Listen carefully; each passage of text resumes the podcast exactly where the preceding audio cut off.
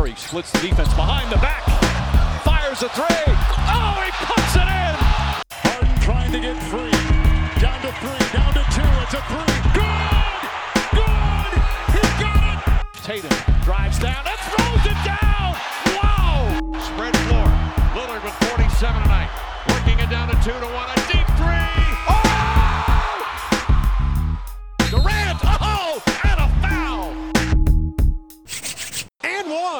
Sziasztok! Sziasztok! Ez itt az End One Podcast évzáró adása, Kalambó vagyok. én pedig Omar Little.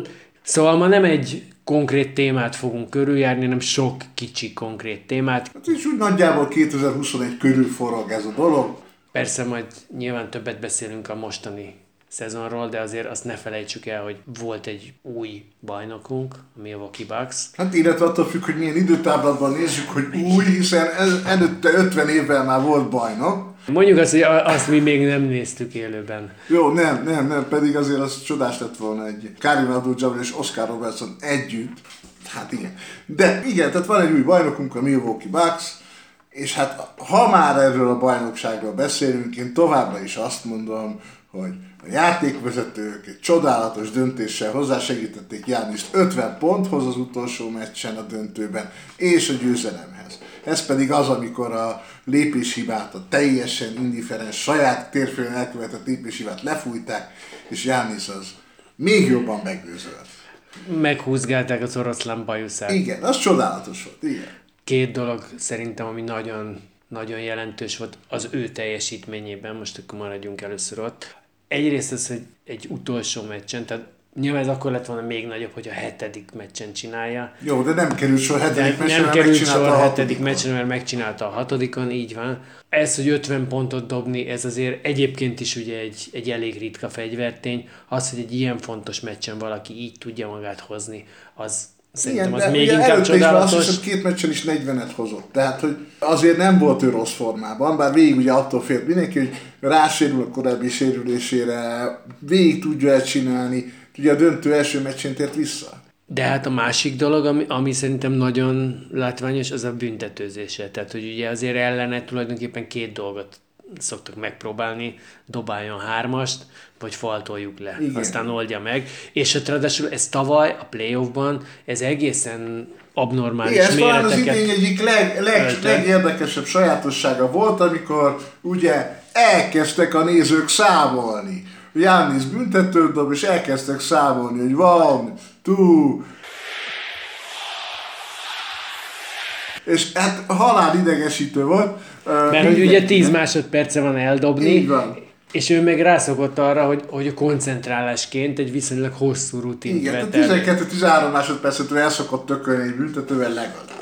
Mondjuk azt tegyük hozzá, hogy azért ezek a számi, számolások, ezek azért Jó, nem, volt, amikor nem a stopperen ment volna, tehát egy kicsit, kicsit mindenki már várta. One, two, three, four. Jó, de, de valamikor olyan szép volt, amikor tényleg így, tehát, hogy hozzászokott a kántáláshoz, és a kántálás ritmusában csinálta a Jánisz, és akkor be is dobta. A döntőben ott azért kb. ilyen ez a 20-ból 19, vagy Igen, szóval ilyen nagyon-nagyon egészen, egészen abnormális mennyiségen egy Steph Curry szintű dobó átlagot Igen. mutatott be. Úgyhogy szerintem az ott egy egyértelmű megkoronázása volt annak, amit egyébként meg lehozott a csapat is mögötte. Mert azért ugye kellett döntőben, amikor ő nem játszott, Igen, a kellett elhozták mert nélküle. A végén, a végén az a meccs, ott a Holiday meg a Middleton, amit hozott, az, az egészen kártázatos. Szóval szerintem ilyen szempontból ez egy, ez egy szép bajnokság volt, ha valaki nem Ellen Drucker. Azért, mert itt benne volt a, a csapat is, vaskosan benne volt a csapat is, és mégis az a játékos, aki miatt ez a csapat az, ami Így van. Hát ő, ő megkoronázta saját magát, mert egyébként hozzátette, tehát nem, nem úgy kellett a csapatnak nagyot alakítania, hogy betlizett a sztárja, hanem az volt, hogy ő lehozta azt, amit lehetett, Igen, de a csapatnak ott kellett állni és várni, hogy a sztár visszatérjen, addig is hozni a meccseket, Ugye, Úgy, hát, hogy, úgy, hogy egyébként kiesett egy, egy kezdőjátékosuk, tehát a, a Di Vincenzo kiesett Ja, igen, a kiesett, playoff igen. első körében. hát ő most tett vissza karácsonykor. Úgyhogy, úgyhogy, Most karácsonykor játszott először. úgyhogy amikor arról beszélünk, hogy, hogy és a sérülések így úgy, és a Phoenix azért juthatott oda, mert nem volt sérült meg, akármi, ez eleve szerintem ez egy meglehetősen buta felvezetés, tehát egy csapat azért jut oda, mert megérdemli, maximum egy picivel könnyebb, és majd lehet, hogy a következő évben meg kicivel nehezebb lesz nekik, de hogy a, a Milwaukee még ezen is túl tudott jutni, úgyhogy szerintem az egy Hát meg, meg azért a kelet elődöntő hetedik meccse, az egy ilyen örökké tartó klasszikus lesz. Brooklyn. A Brooklyn elleni hetedik meccs, amikor ugye Durant dob egy hármast, ezzel átveszik a vezetés, aztán kiderül, hogy ez csak egy kettes, aztán azt hiszem Giannis dobja a túloldalon, és aztán a, kihagyja a Durant. Tehát, hogy ö, 15 évente van a hetedik meccs hosszabbítás, pontosan 15 évvel korábban, 2006-ban volt ezt megelőzően. Ilyen szempontból, hogy azt a meccset is behúzta a Milwaukee. Jó, jó, oké, mi lett volna, hogyha a Kyrie Irving nem sérült, jó, oké. Mindegy. Nem érdekes, ugye azon a meccsen, ahogy játszottak, az, az nagyon jó volt, ahogy a döntő, döntőt azért 0-2-ről hozták, ami szintén egy elég jó teljesítmény. Hogyha még van valami a múlt szezonról, akkor, Hogy akkor ne lenne? bátran, Hát azért, na, ugye, hát, nagyon, fog, nagyon jó, hogy előjött ez a Janis számolás, mert ez tényleg egy ilyen, egy ilyen hát ez a kabaré szerintem. ikonikus, ikonikus része a 2021-es évnek. De hát annyit még mondjuk meg, hogy a Jokic lett ugye az MVP. Hát azért az, az eleve meglepetés, hogy egy kelet-európai center lesz az MVP ebben a ligában. Hát center talán Sek volt előtte utoljára, Igen, nem? igen, igen, de hát itt a kelet-európaiság is, meg minden, tehát hogy ez egy, ez egy nagyon nagy meglepetés alapvetően. Igen, de, de szerintem egy abszolút jogos dolog volt. Tehát van, már egyébként van. mielőtt az Embiid megsérült, mert ugye Igen. akkor, akkor menjünk ennyire vissza, ott ez volt a verseny kb., hogy Embiid kontra Jokic. Mielőtt megsérült, azelőtt az volt a Jokic, azon kívül, hogy az nyilván már kiderült, hogy mi imádjuk, hogy egy zseniális passzolójátékos, aki egyébként meg is tudja dobni a maga pontjait, tehát hogy, hogy abszolút sokféle fegyver, ez a svájci bicska típusú játékos, csak egy ilyen extrában, de ráadásul azért így azt gondolom, hogy ő ott egy erős Denvert, de ugyanúgy húzott maga után, mint ahogy azt mondtuk az előbb a Janisra, a Milwaukee-val. Ha a Jamal Murray nem sérül meg, Hát igen. én őket nagyon erősnek tartottam akkor is, az Aaron Gordon trade után, de erről már talán beszéltünk, és egyébként pontosan ezért volt az, hogy én most évelején is azt mondtam, mielőtt aztán teljesen elindult a lejtőn a csapat, hogy, Nem a hogy csapat ők indult el a esélyesek lennének. sok a sérülés. So- Szerintem értem. játszanak most is, csak hát nem fog, nagyon fognak sokat nyerni így. Hát sajnos nem. Az, amit ők játszottak úgy, hogy mindenki megvolt, az egy, az egy jó kosárlabda volt, Igen, ami ez ráadásul most eredményes is, kosárlabdát volt. játszanak, csak hát hm, Igen, hát egy, egy-két, egy-két szinten lejjebb levő játékosoknál. Pont most néztem a, a Clippers elleni meccsükön, ahol egyébként a Clippersnek is a, az államcsapatához képest mondjuk a C játszott körülbelül, hogy a, a Jokic, most még az Aaron Gordon is sérült volt, úgyhogy a Jokic úgy játszott, hogy Jamal Murray nincsen legalábbis az év legvégéig, de lehet, hogy egyáltalán.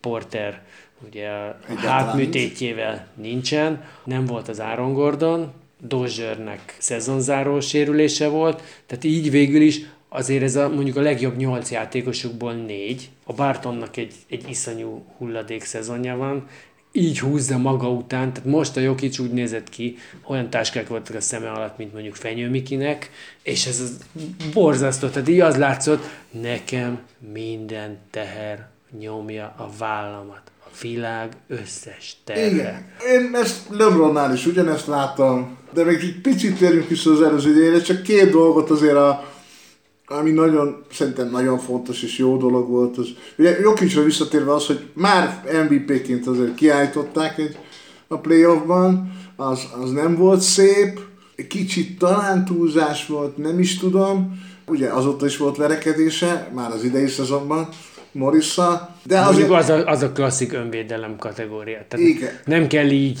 lecsapni valakit, de ja, igen, igen, de hát, és akkor még ott mondom, az előző idényben még két dolog, tehát a Utah az annyira nagy favoritnak volt kikiáltva, és ahhoz képest ugye kb. simán estek ki a clippers szemben. igen, mert ott egyébként meg tudta oldani a Tyloo, hogy, hogy a Gobert ki tudták venni az egyenletből.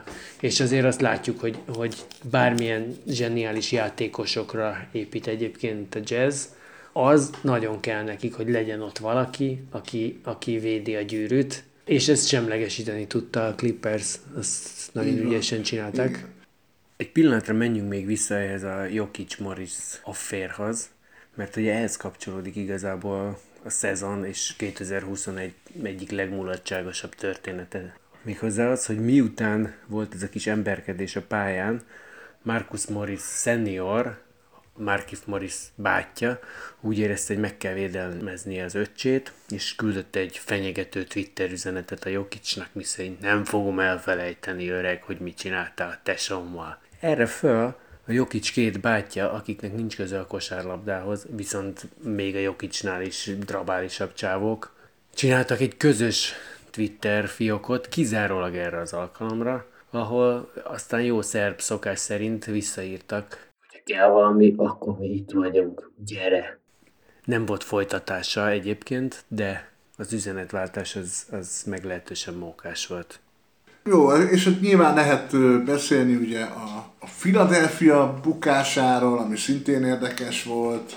Akkor ez itt az áthúzódó téma. Igen, ez majd áthúzott téma, és akkor még egyetlen egy mondat, hát ugye az Atlanta, tehát hogy egy, egy ideiglenes edzővel jutnak döntőbe, azért az mindenképpen szokatlan. Főleg úgy, hogy az előző edzők az nagyon nagyok voltak a várakozások. Igen, de ez egy szép sztori, hogy ugye a, a Lloyd Pierce, az előző edzőjük, jelen pillanatban az Indiana másodedzője. Igen. A Nate McMillan, aki most az Atlanta edzője, az Indiana dobta ki másfél évvel ezelőtt. Arra való hivatkozással, hogy a playoffban nem jutnak sehova, és tényleg ott általában tönkre verték őket. Általában egy olyan csapatot vertek egyébként ilyenkor tönkre, amiből legalábbis a, a legjobb játékos, esetleg a legjobb és a második legjobb hiányzott. Tehát, hogy a, hogy a Nate McMillan azért nem vagyok benne biztos, hogy ő egy bajnoki címes edző, de abban biztos vagyok, hogy egy jó edző, tehát aki tud struktúrát adni.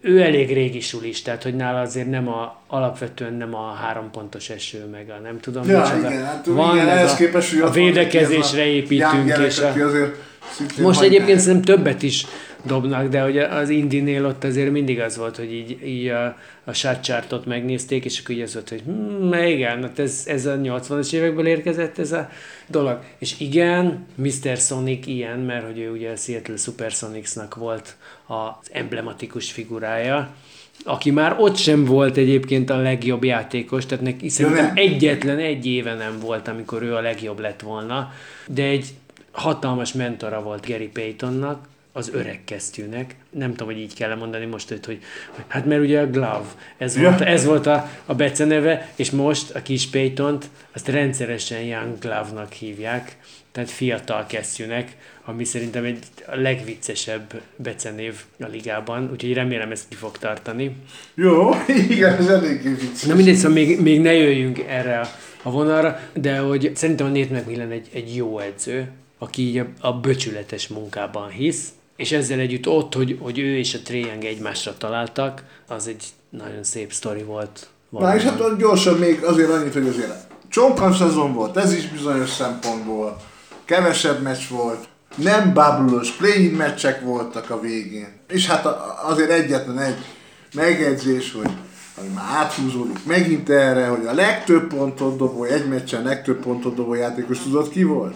62-vel ki volt? Stephen Curry. Tehát, hogy már tavaly is azért látszott, hogy itt, itt nincs vége a Ja, de hogy azt, hitt, azt hittem, hogy a, hogy a play-inben. Nem, nem, nem, a play-inben az idő. Azért, azért néztem Az- ilyen buta fejjel rád, mert itt egész igazon hogy a playoffban, aztán még így hozzávettem a, a play-int is. Nem, az idényben. Az Igen. idényben neki hát volt azt a egy Portlandnek 62-es dobta, nem? Azt a Portlandnek dobta. Igen, azt hiszem, igen, igen, igen, és akkor utána, vagy előtte volt az, hogy majdnem ugyanígy dobott nekik a Lillard. Valami. Igen, hát ott, ott az, egy, az egy legendás a köve- clash volt. Igen, a következő meccsen, vagy melyik volt. Azt mondom, Curry volt előbb. Az egyébként is egy ilyen szép felépítés, hogyha most persze nem 2021-ről beszélünk, de hogyha azt mondjuk, hogy Curry Thompson és Lillard McCallum, és nem ugyanaz, ezt, ezt én adom, de mégiscsak, hogy, hogy egyáltalán, hogy, hogy még ilyen csapatok vannak, ahol ezt mondjuk, hogy gyakorlatilag ezek a, a kis törpicsekek ott mutassanak valamit, akik egyébként nyilvánvalóan nálunk 47 centivel magasabbak, de ez szerintem ez, ez egy szép, és ott, ott szerintem minden négy játékos nagyon jó. Úgyhogy ha esetleg hallgatja az adást, akkor ezúttal kívánunk CJ McCallumnak is jobbulást a tüdő problémákból. Hát meg minden egyes játékosnak, mert akkor már, ha már átvezetünk ide ebbe az idénybe, azért a legborzalmasabb ebben az idényben ez a december. Ez a millió hiányzós meccsek, sose lehet tudni, mi történik, ki játszik, ki van protokollban, hát már a protokoll szótól rosszul vagyok, tényleg. És az etikettől? Etiket, az nem, az nem zavar annyira, de, de ez a protokoll, health and safety protokoll. Ez tényleg az a része, az borzasztó. Nyilván játékosként, meg, meg a liga körül dolgozó emberként ez sokkal rosszabb megélni, de nézőként is az, hogy eldöntöd, hogy megnézel egy meccset, és nem tudod, hogy mit fogsz megnézni, Erről nem akarnék túl sokat beszélni, tekintve, hogy ezt a múlt héten is veséztük már. Igen, de, ezért de ezzel együtt ez, ez, igen, ez, ez most itt egy kicsit rontja azért az élményt. De mielőtt még átjövünk erre a szezonra, mert én gondolkoztam, hogy, hogy az ilyen kedvenc pillanataim, vagy mik voltak azok, amikor, amikor nagyon örültem, és kettő olyan van nekem a nyári szezonból is, vagy hát a, az uborka szezonból. Az egyik, amikor a Detroit megkapta az első számú választás jogát, amit aztán ugye két Cunninghamre tettek rá. A másik pedig, amikor az, az inga, először az egy rossz volt, amikor a Rick Carlisle azt mondta, hogy akkor ő köszöni szépen, de Dallasból eljön. Viszont körülbelül mondjuk egy három perccel később, mikor olvastam ezt a hírt, akkor nagyon felvillanyozottam, mert akkor megjelent a fejemben az a gondolat, hogy oké, okay, akkor mégsem az öt nappal ezelőtt Portlandből kidobott Terry Stotts lesz az Indiana edzője, bár én annak is nagyon örültem volna. Ha nem, akkor itt a lehetőség a visszatérésre, és amikor öt nappal később mondjuk ez hivatalosan is megjelent, akkor, akkor ez az erősen a levegőbe csaptam, és úgy éreztem, hogy na, itt van végre, amire vártunk, talán innen megy fölfelé a szekér. Zárójá bezárva, jöjjünk el a mostani szezonra. Hát jöjjünk... és akkor maradjunk is ennél ott, hogy mekkora űrt hagyott maga, maga mögött Kálmán Dallasban. Ebben ezt kicsit másképp ítéljük meg. Én tovább is tartom nagyon rossznak a dallas Én szörnyűnek tartom azt, amit látok.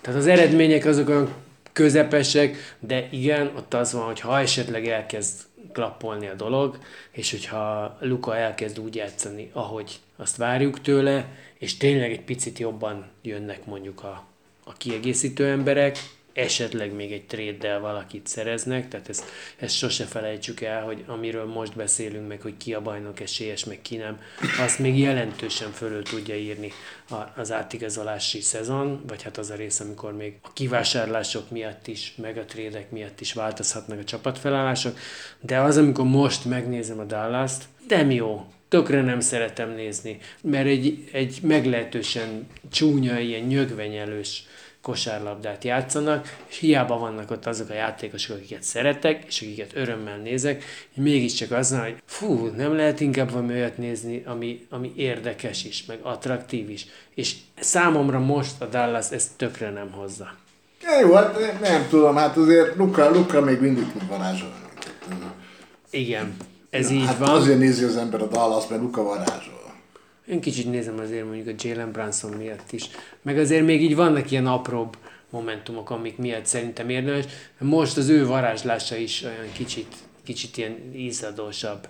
Mindegy, hát ezt meglátjuk, hogy, hogy mi lesz velük, viszont akkor, ha erről jöttünk, akkor azt mondom, hogy, hogy ennek a, a fordítotja, a számomra a Memphis mondjuk, akik szerintem egy csodálatosan jó csapat. Tehát én, én simán hajlandó voltam az Igivel együtt lemondani a Memphisről, tehát ő volt az, aki ugye amikor, amikor a Golden State oda küldte őt Memphisbe, akkor azt mondta, hogy tudjátok mi srácok, én nem jövök, ne is keressetek, akkor hívjatok legközelebb, amikor trédet tudtatok nekem csinálni, ami azért Tehát miközben ugye mondjuk, hogy az Igi így milyen profi, úgy milyen profi, amúgy milyen profi, azért ez mondjuk, ez a nem túl szép megoldása volt a dolognak. Ráadásul azért kiderült abban a szezonban, amikor nem ment oda, a Memphis már akkor el tudott jutni a play-inig, senki nem várta tőlük, és ezek a fiatal gyerekek, mert ott tényleg csak fiatal gyerekek vannak, hát eddig a Valanciunas volt, Igen, most, ez nagyon most a érdekes, Steven mivel Adams, a, az öreg, Hogy Valanciunas lecserélték az Adamsre. Ez, ez számomra nem tűnik teljesen logikusnak.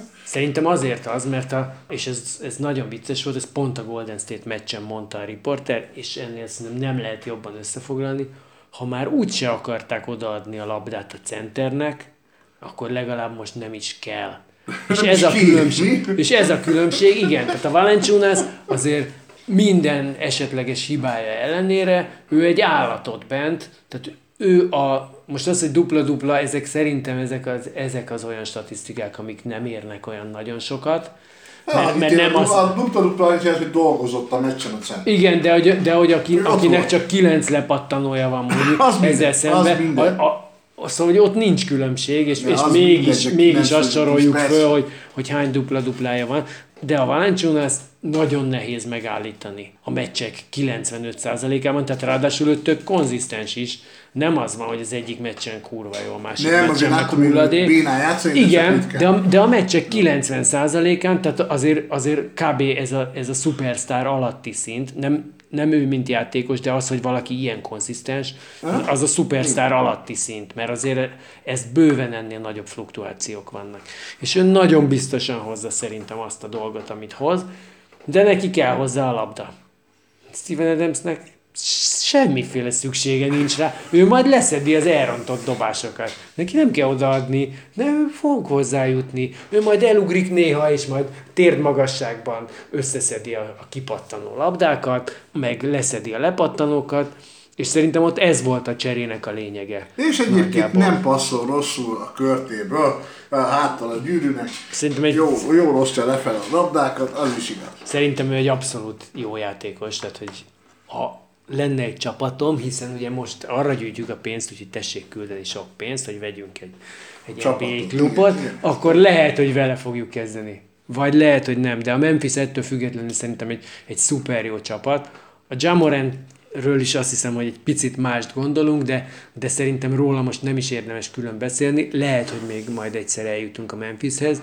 A Jaren Jackson Jr., akinek az apja még a 99-es Spursben bajnokságot nyert, úgy tűnik, minthogyha elindulna a sérülése után azon az úton, amit, amit egyébként előtte kicsit jósoltak neki, de akiről szerintem külön Hát a érdemes Brooks beszélni, gyerekről érdemes beszélni, ő tényleg, tehát egy ilyen... hát- egy állat, hát egy mondjuk állat. ki.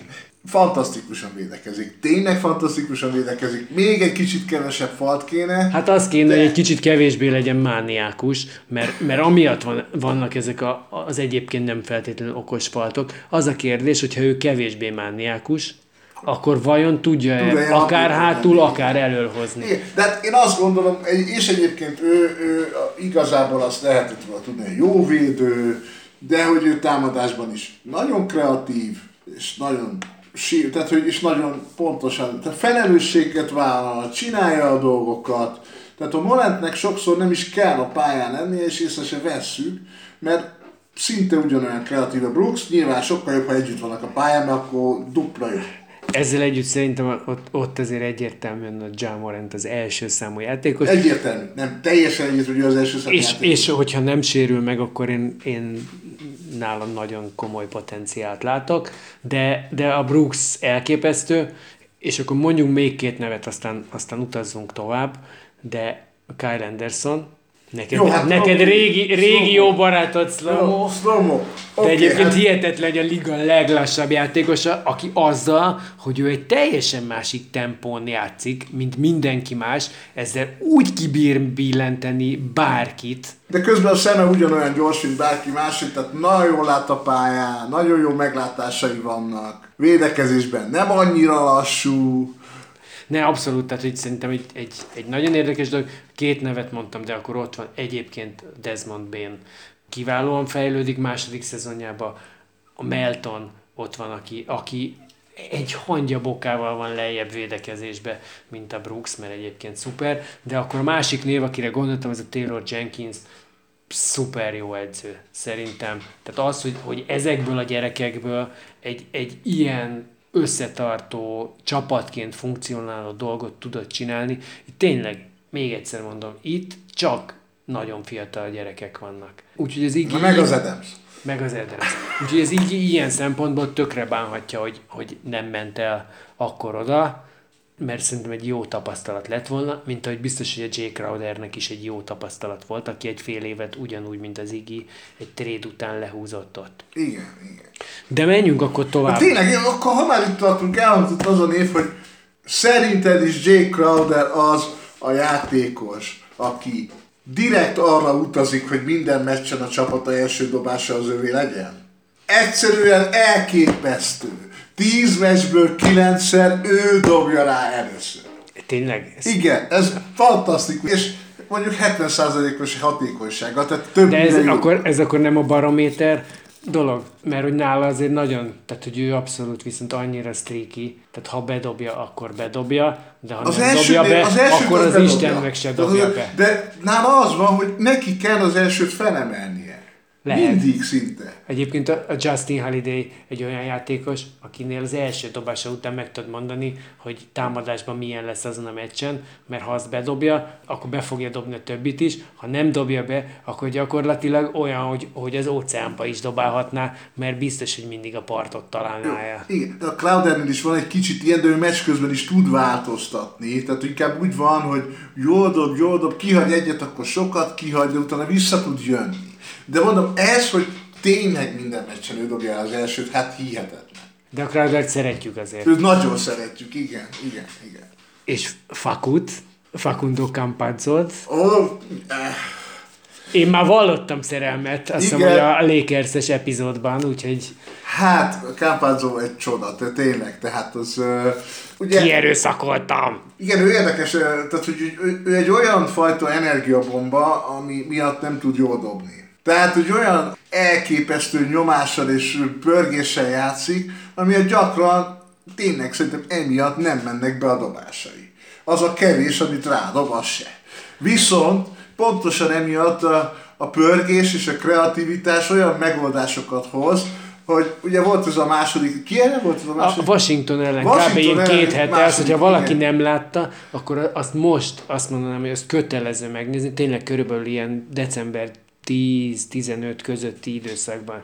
Egy És az Denver első negyed Washington. tizedik percétől a második negyed tizedik percig érdemes nézni. Ó, ott elképesztő dolgokat csinál, és ott nem csak azt, hogy, hogy mint amit most mondjuk a Clippers ellen is volt ez a simán, amikor a második negyedben egy teljesen indiferens, egy, egy oldalbedobás jönne, és fejjel berepül a nézők közé, mert ő azt még visszahozza, és vissza is hozza valóban, de hogy tehát nála ez, hogy eldobja magát, az az, az, az alap, tehát körülbelül ott kezdődik, addig nem ment ki a pályára, amíg, Igen. amíg legalább egyszer nem szántotta föl a parkettet, de hogy ráadásul mindeközben azért varázsló is, és azt tessék megnézni tényleg azt a, azt a Washington meccset, mert ott van egy-két olyan passza, aminél valószínűleg a Jokic is azt mondta, hogy na, ezt mutasd már meg kis haver, hogy hogy történt. És van a Denvernek egy egye vagy kettő korábbi meccsről a San Antonio ellen, amikor hárman csinálnak egy-egy kis varázslatot 5 percen belül, tehát a Jokic És- is, és Gordon ő a is, meg a? Gordon is. Igen. Yes! Ez nem volt nehéz mondjuk kitálni, mert ott is csak szikra van, de szikra azért van. De ugye Campazzónál ez a bevetődők, repülők, ez ugye ez azért érdekes, mert ő egy sztárjátékos volt Európában. Ő ugye Real Madridban játszott nagyon sokáig. Igen. És hát is az argentin válogatottban játszik tizenéve. Tehát ö, ez a fajta mentalitás egy ilyen játékostól, akinek ennyi tapasztalata van, az nagyon-nagyon ritka. És fantasztikus. Van még olyan játékos, akitől nem vártunk túl sokat, vagy akitől senki sem várt túl sokat, és aztán nagyon meglepett minket. Ez az ifjú kesztyű. Igen. Nem tudok kesztyű. ellenállni. Gary Payton the second tényleg úgy vitte el a Golden State az edzőtáborba, hogy legyen valami vetélytárs még ott a 15. helyér, és most nem azt mondom, hogy egy, egy kulcsjátékos, de egy kicsit az. Tehát most, amikor a Covid és a sérülések miatt teljesen. Ő, ő, ő fantasztikusan érzi a Golden State játékát. Tehát azt, hogy a, a Curryre rámegy mindig két védő, ő akkor pontosan tudja, hogy merre kell lépnie és hogyan kell lépnie. Emiatt rengeteg üres helyzetbe kerül a gyűrű alatt. Most már a három pontos is bebedobja, 40 40 fölött. kal nem túl sokat, de dob, és hát a védekezése meg egészen elsőrangú, és ugye ő is az, aki fejjel neki úrik a gyűrűnek. Az egyébként a legviccesebb benne szerintem, tehát a Golden State-ből a, a legmagasabbra ugró, egyébként lehet, hogy mit tudom, most a, a Kumingával ott versenyeznének rajta, de azt, hogy Gary Payton folyamatosan ott röpköd, talán ő hat láb magas, ha jól emlékszem, és folyamatosan ott Nem, annál magasabb röpköd. kell legyen. Hat láb magas játékos nem nagyon van az NBA-ben, talán a Campazzo. Mindegy, De... ja. Tehát minden esetre egy elég alacsony csávó ahhoz, hogy ő röpködjön ott folyamatosan a gyűrűnél. És nem csak az eliupok miatt, amiket egyébként a Golden State-ben neki tesznek föl, és, és nem a rimrannoló centernek, az marha vicces. Ugyanúgy, tehát ez most például a Phoenix elleni meccsen, a karácsonyi meccsen, ott a támadó lepattanóknál ő is, amiket még ott elütögetett, meg a Luni is, amiket elütögetett, ami egyébként akkor nem menjünk innen tovább, mert az a meccs, az, megint csak azt mondom, hogy egy, egy kb. kötelező látnivaló, az az első percről az utolsóig, amikor a liga két legjobb csapata, ha nem is teljes csúcsfegyverzetben, mert főleg a Golden State-nél jelentős hiányzók voltak, de ez a játékukon nem látszott, csúcsformában egymásnak mennek, és egy olyan meccs, aminél így azt nézed, hogy kb. aki pályára lép, az mindenki csodálatos. Úgyhogy ha valaki még nem látta, ne lőjük le az eredményt, de megnézni mindenképpen érdemes. Igen, de hát akkor menjünk át keletre, hogy ha már a meglepetés csapatot nézzünk. Az idei idényben, ugye a nevek alapján valószínűleg nem is akkora meglepetés, de az előzetes várakozások alapján nagyon a Chicago jó szereplése. Igen, hát ott, ott azért ugye az volt, ők jelentősen átalakították a csapatot most nyáron, illetve nem is csak nyáron, mert, mert már a trade szezonban is, tehát ugye tavaly hozták a Vucevicet, a Lavin mellé, de aztán most hozzátettek még néhány embert, köztük a, a Lonzo Bolt, aki egy, egy szuper jó játékos szerintem, de úgy tűnik, hogy ő, ő a családban azért egyértelműen a második helyen van az öccse mögött, aki abban a varázsló kategóriában van szerintem, mint a, mint a Jokicsék, tehát a Jokic Doncic páros mondjuk. De visszatérve a Chicagóra, a DeRozant oda vitték, oda a talán legkevésbé értékelt igazolást, Caruso-t, aki, aki mindent, tehát ez egy nagyon érdekes sztori volt, mert erről lehet, hogy egyszer beszélgetünk, vagy addig, ha valaki akar elnézni utána, hogy a Caruso mindent megtett azért, hogy, Hogy ő a Lakersben marad, maradhasson, még az ő státuszával, ahol ő azért nem kereste szénné magát eddig, mert ő egy second round pick volt, tehát hogy, hogy ő éppen hogy kaphatott valami kis magyarókat, és hogy ehhez képest ő néhány millióról hajlandó lett volna lemondani, hogyha maradhat a Lakersben, de ott inkább úgy érezték, hogy nem. Most itt a Chicagóban meg tudta mutatni, hogy, hogy mi az, amit már megmutatott a Lakersben is. Igen, és nem mi az, ami onnan, onnan marhára hiányzik. Hát talán egy kicsit magabiztosabb, meg egy kicsit talán Igen, fejlődött de ugyanaz ezekben a dolgokban, ugyan- de ugyanazt csinálja. Ne, ne, nem az a meglepetés, ahogy játszik, hanem hogy ez mennyire fontos ennek a csapatnak. Az a meglepetés. Rá van tetoválva a homlokára a csapat, Igen. és És a DeRozannal meg az az érdekes, hogy hát, hogy a San Antonio-nál, hogy ugye ő nem játszott igazán rosszul, de valószínűleg ott, ott ő úgy érezte, hogy olyan békjóba van kötve, hogy csak na. És hát ő- ő is azért egy, egy egészen káprázatos meccsei vannak, és az, hogy a Lavinnal ketten ők tudnak együtt játszani, vagy külön is, az nagyon-nagyon fontos. Róluk most azért ne beszéljünk többet, mert ők szerintem elég hamar jönnek. Ha beszéljünk gyorsan arról, erről, hogy Kemba. Kemba ugye, hát szerintem ő nem volt rossz Bostonban, átkerült New Yorkba, és mi történt? Kidobták a csapatból. Vagy hát legalábbis úgy ültették le a kispad végére, hogy mondták, nézd, ott van az, az a foltocska, arra ráülsz? De miért mi ez? Ne, csak próbáld ki. És kiderült, hogy mi volt az? Pillanatragasztó, 46 darab tubus ki volt nyomva oda, és nem tudott fölkelni. Tehát azt mondta Tibodó, hogy akkor se jössz, hogyha szakad az ég. És Aztán szakadt történt? annyira az ég, hogy mégis kellett jönnie. Igen, és ezért nagy játék, tehát, a, a, tehát hogy ez a típusú játékos az, amelyik elnyűhetetlen, és amely hát gyakorlatilag egy tripla duplát hozott össze karácsonykor. Kemba Walker, másfél hónappal azután, hogy leragasztották a padra. Azzal együtt, hogy ezt tegyük hozzá, hogy most, és, és ez szerintem ez egy nagyon érdekes tanulság arra, hogy amikor a döntésekről beszélünk, hogy ki kit enged el, ki kit trédel, hogyan értékelik a játékosokat. Tehát azért vannak valószínűleg olyan információk, amiket mi nem látunk, mert a Kemba Walker, aki egy, tehát az, ott azt hiszem, hogy az utolsó két All-Star játszott talán Charlotte-ban, amikor, amikor eljött, és ott az óriási meglepetés volt, hogy nem ajánlottak neki olyan szerződést, most már nem tudom, hogy ez a Supermax lett volna, vagy nem, de nem ajánlottak neki olyan szerződést, amire ő azt mondta volna, hogy igen, oda vitték ugye Rogert a helyére, ekkor szerződött ő el a Bostonba, és azért nem volt rossz, és ő egyáltalán nem verte szét úgy a csapatot, mint a, az, Nem, Ör- azt mint az áll tőle, Igen, igen, a, igen, de hát ez pont ezért, amit most mondtál, tehát hogy teljesen más szemléletű játékos, akinek fontos a csapata, de mindezzel együtt azért neki onnantól kezdve, hogy eljött Charlotte-ból, azért igazából azt látjuk, hogy azt a csúcsot nem túl valószínű, hogy még egyszer elérje. Tehát egy kicsit, vagy lehet, hogy nem olyan kicsit, de lefelé jön. Igen, és, igen. És hogy azért ott, ott nagyon sokat kapott a Jó, Charlotte azért, hogy nem tartották dolog, meg. hogy, hogy, hogy ezek a játékosok, tehát hogy van az a típus, akit nem lehet leírni. Tehát nem hagyja magát. És ha jön a lehetőség, akkor él vele.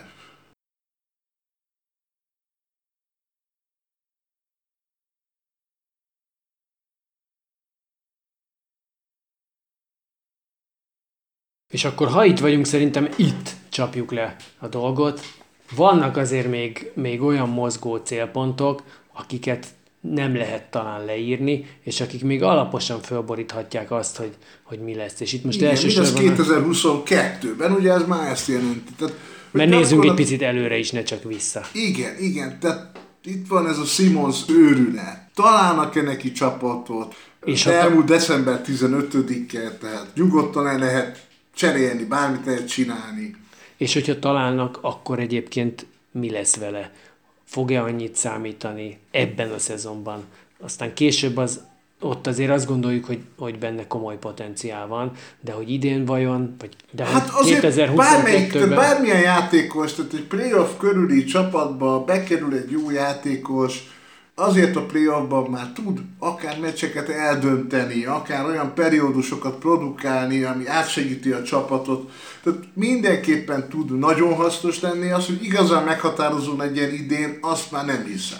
A Simonsnál szerintem egyébként amiben egész biztosak lehetünk nagyjából az az, hogy Filadelfiában már nem fog többet pályára lépni, mert ott már olyan annyira utál Fog mindenki Philadelphiában mindenkit. pályára, csak nem Philadelphia mezben. És Philadelphiában akár pályára is léphet mondjuk Kyrie Irving ellen mellett között, hiszen ő is azért bármennyire is nem szeretjük és nem várjuk direktben az ő visszatérését, azért az, mégiscsak itt van a nyakunkon. Akiét viszont nagyon várjuk, én legalábbis nagyon, az Clay Thompson. Clay Thompson mindenki nagyon várja szerintem, hogy egyszerűen az a kérdés, hogy mennyi idő kell neki, hogy felvegye a ritmust. Valószínűleg ügyesen fogják menedzselni az elején a perceit, valószínűleg az elején lesznek nagyon jó meccsei emiatt, amikor jól dob, mert a dobás az vissza fog jönni. Az a kérdés, hogy mikor tud meghatározó játékos lenni, tud-e olyan meghatározó játékos lenni, mint volt, ez örök kérdés egy ilyen sérülés után, nem lehet tudni, van, aki láthatóan tud, van, aki nem tud, de ez igazából a playoffra fog kiderülni. Mint hogy akkorra fog kiderülni az is, hogy a Lenard vissza tud-e térni, hogy a Denver hiányzói közül bárki vissza tud-e térni. Azért Hát elsősorban igen, a Jamal Jamal Murray-re a kérdés igazából gondolunk. a másik két nagy hiányzóról, a Porterről meg a Dozierről tudjuk, hogy nem fogjuk visszatérni. És akkor maradt még egy kérdőjelünk, Zion Williamson. Istenem, Zion Williamson tényleg, tehát hogy az egy külön liga kéne annak a fiúnak. Én azt gondolom, hogy ő soha többé nem fog már az NBA-ben kosárlabdázni, de meglátjuk. Ő egy fantasztikus támadó potenciál van benne, igazából szerintem a hozzáállása is egész jó, de egyszerűen ezt a testet nem lehet végigcipelni ezen a pályán sok-sok percen át. Meglátjuk, hogy mit hoz a jövő Zion Williamsonnak és az End One Podcastnak. Köszi, hogy hallgattatok minket és idén, új. és hallgassatok jövőre is. Sziasztok. Boldog új évet, szevasztok!